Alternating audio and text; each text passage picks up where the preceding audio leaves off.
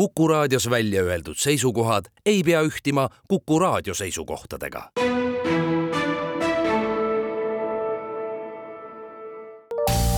terviseks. Saadet toetab Lääne-Tallinna Keskhaigla, vaata ka keskhaigla.ee tere, head Kuku kuulajad, eetris on saade Terviseks ja kui me eilses saates rääkisime reisimeditsiinialasest nõustamisest, siis tänasel teemal jätkame. mina olen Ingela Virkus ja koos minuga on stuudios Lääne-Tallinna Keskhaigla ambulatoorse nakkuskeskuse ülemarst-juhataja, doktor Kersti Kink, tere taas! tervist! Te mainisite eelmises saates, et praegu on väga populaarsed sihtkohad sellised äh, kaugemad kohad nagu Keenia, Tansaania, Lõuna-Aafrika piirkonnad, lisaks reisitakse palju palju Aasiasse, Indoneesiasse, et äh, mida sellistesse kohtadesse reisijad peavad kindlasti teadma või millega nad peaksid arvestama? Mm, sellesse piirkonda minnes tuleks tõesti oma vaktsiinipass üle vaadata ja kui tekib seal mingeid kahtlusi, siis tulla nõustamisele nendes piirkondades on osaliselt ka, see on ka muidugi seotud äh, aastaajaga, on, on nad seotud malaariaga. Lõuna-Aafrika Vabariik äh, küll väga väikses osas, aga nii Tansaania kui, kui Keenia siis tõesti. ja Indoneesiasse minekuks on ka vaja nõustamist, et seal on teised haigused natukene, aga ka seal esikohal võiks öelda nii soolenakkused, nii nagu me eelmises saates mainisime, kui ka siis sääskedega levivad haigused ja sealhulgas siis dengepalavik mis see dengepalavik täpsemalt on? dengepalavik ongi selline troopiline palavik, mis siis sääskede kaudu levib ja inimene haigestub äh, ägedalt ja tavakorras see haigestumine võib olla siis kas nagu kergemat tüüpi või, või keskmist tüüpi, et tuleb lihtsalt kõrge palavik, lihased valutavad, tekib halb enesetunne, inimesed tihti kirjeldavad seda, et nagu oleks teerulli alla jäänud ja siis teist korda veel. Et see paraneb ja enesetunne noh, muutub paremaks. aga dengepalavikul võivad olla ka äh, rasked haigusjuhud, mis siis mõjutavad meie valgevereliblesid, meie hüübimissüsteemi, et kui inimene haigestub raskelt, koha peal, ütleme siis seal puhkekohas, siis kindlasti peaks ta arsti juurde pöörduma, äh, võimalusel äh, kontrollima ennast, laskma teha vereproovid, et vaadata, mis ta tervislik seisund on. ja minu soovitus ikka on, et kui ta tunneb ennast väga halvasti, siis ennem terveks saama ja siis koju tagasi tulema. aga võib juhtuda ka see, et te tulete reisilt tagasi ja jääte haigeks paari-kolme päeva pärast, et see peiteperiood, te võite ju ka viimasel päeval päeval sääskedega kokku puutuda. ka siis on mõistlik kindlasti pöörduda kohe arsti juurde konsultatsiooniks, et äh, troopilised palavikud on salakavalad ja tavakorras nad loomulikult ei, tavakulu korral ei ole nad eluohtlikud, aga kui see kulg võtab, äh, võtab tõsise pöörde, siis on vajalik meditsiiniline sekkumine. kas sellist troopilist palavikku saab kuidagi ennetada ka, et on mingi vaktsineerimisvõimalus ka? jaa, et äh, on troopilisel palavikul on üks selline rohkem tuntud haigus võib-olla ja vähem esinev on kollapalavik, et see on ka kindlates kindlatel mandritel ja selle vastu on olemas vaktsiin, et see on ühekordne vaktsiin, mis kaitseb kogu elu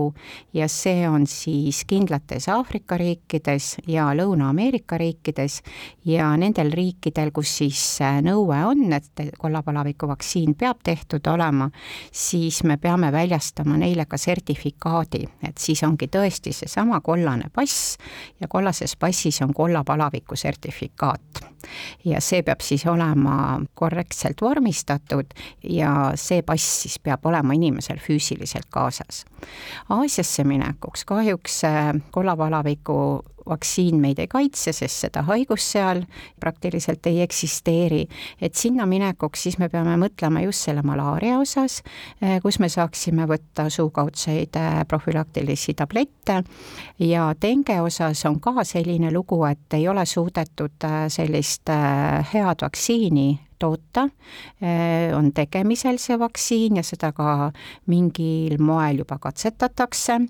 aga denge puhul on siis samamoodi, nii nagu ka teiste sääskedega levivate haiguste puhul, mis on veel šikunja palavik ja sika palavik ja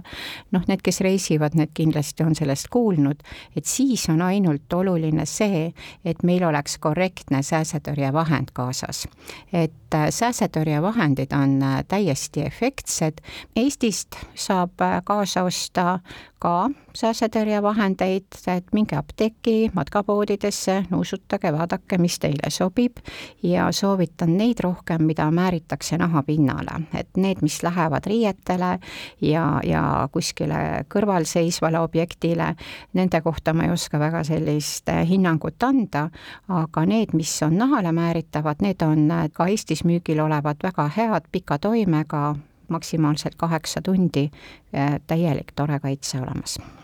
kas teie juurest saab siis ka selle informatsiooni või seda nõu, et mida esmaabiks kaasa pakkida näiteks, kui minnakse kuhugi reisile? jaa, et lisaks sellele, et me räägime vaktsiinidest ja tihtipeale on inimestel juba vaktsiinid tehtud, nii et iga visiit ei lõpe vaktsiini tegemise ja süstiga. et me räägime ka nendest ravimitest, mida peaks kaasa võtma ja teinekord arutame ka nende inimestega, kellel on äh, palju kroonilisi haiguseid ja nendega, kellel on olnud just äh, näiteks raske haigus. et ütleme, et inimene on äh, põdenud läbi südamelihase infarkti, on ilusti nüüd paranenud ja nüüd tahaks lihtsalt minna kuskile puhkama, siis me peame ka vaatama seda ajafaktorit, et kas ta on lennukõlbulik ja mis ta siis peaks kaasa võtma, et kõik see reis tal edukalt läheks, noh, see on üks näide näiteks ja ja loomulikult, kui on lastega reisijad, siis me pakume ka variante, mis võiks kaasas olla, mis aitaksid kiiresti lahendada seedeprobleeme, noh, selged palavikurohud, allergiarohud, kui vaja, kirjutame ka süstetena kaasa asju, mis on siis nagu tsito kiire lahendina. nii et tegelikult see nõustamine on päris mahukas, nii et sõltub sellest, eh, mida sellel inimesel nagu kõige rohkem rohkem on vaja teada kui aga siiski jäädakse reisi ajal haigeks, mis hetkel siis kiiresti arstile või isegi haiglasse pöörduma peaks ja ja kuidas see arstiabi saamine välismaal enda jaoks äh, niimoodi korraldada, et see võimalikult vähe sellist stressi tekitaks mm? -hmm. seda on väga raske öelda, et see sõltub täiesti piirkondadest, aga ma arvan, et et äh, kui te ööbite hotellis, siis kindlasti hotell on kohe number üks, kes saab teid kiiresti aidata, aga millal peaks pöörduma? et pöörduma peaks ikka siis, kui palavik läheb väga kõrgeks, et teil enam, teil kaasa võetud vahenditega see palavik ei lange. Või kui tekib äh, mingi ebaselge lööve, et ja siis see lööve nagu laieneb ja laieneb, et see ei ole nagu lihtne, mõned ütlevad, et äkki mul mingi väike allergiline täpp on,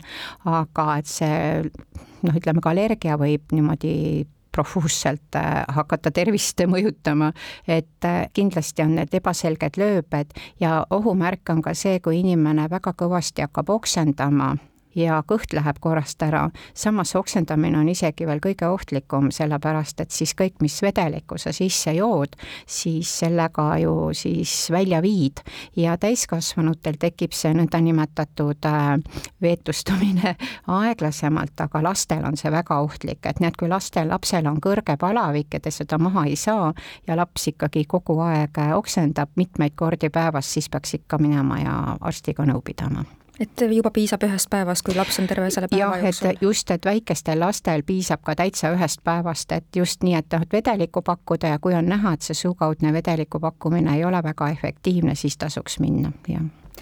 tegelikult ju saabki kõiki neid küsimusi, et äh, kuidas reisiks siis valmistuda, milliseid ravimeid kaasa pakkida, kuidas käituda juhul, kui reisil olles haigeks jäädakse, teiega seal reisimeditsiini nõustamise kabinetis arutada, et äh, kuidas äh, nõustamisele tulla saab, et kas saab ise ennast kusagil registreerida või? jaa, et Lääne-Tallinna Keskhaigla reisimeditsiini nõustamisele saab tulla nii,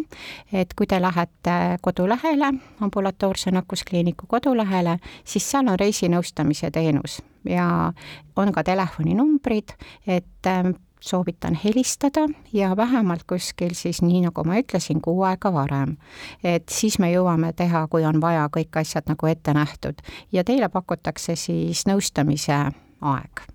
ja nõustamise teenus on tasuline teenus, aga see sõltub sellest, kas te tulete üksinda, kui tulete kahekesi, on soodsam, kui tuleb kogu pere, on veel soodsam. et kõik on selline kõigega võib tutvuda kodulehel ja ka vaktsiinihinnad on seal olemas. ja mis paljudel oli ka üllatuseks alguses, et äh, kui ta tuleb, me saame ta kõik ära nõustada ja samas me kirjutame ka kõik retseptid, mis vaja on ja ta saab ka vaktsiini kohe ära teha, nii et mõnedel piisabki sellest ühest korrast käimisest, et tal on siis kõik juba nagu reisiks valmis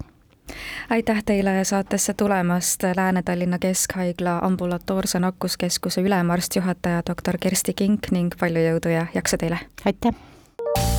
terviseks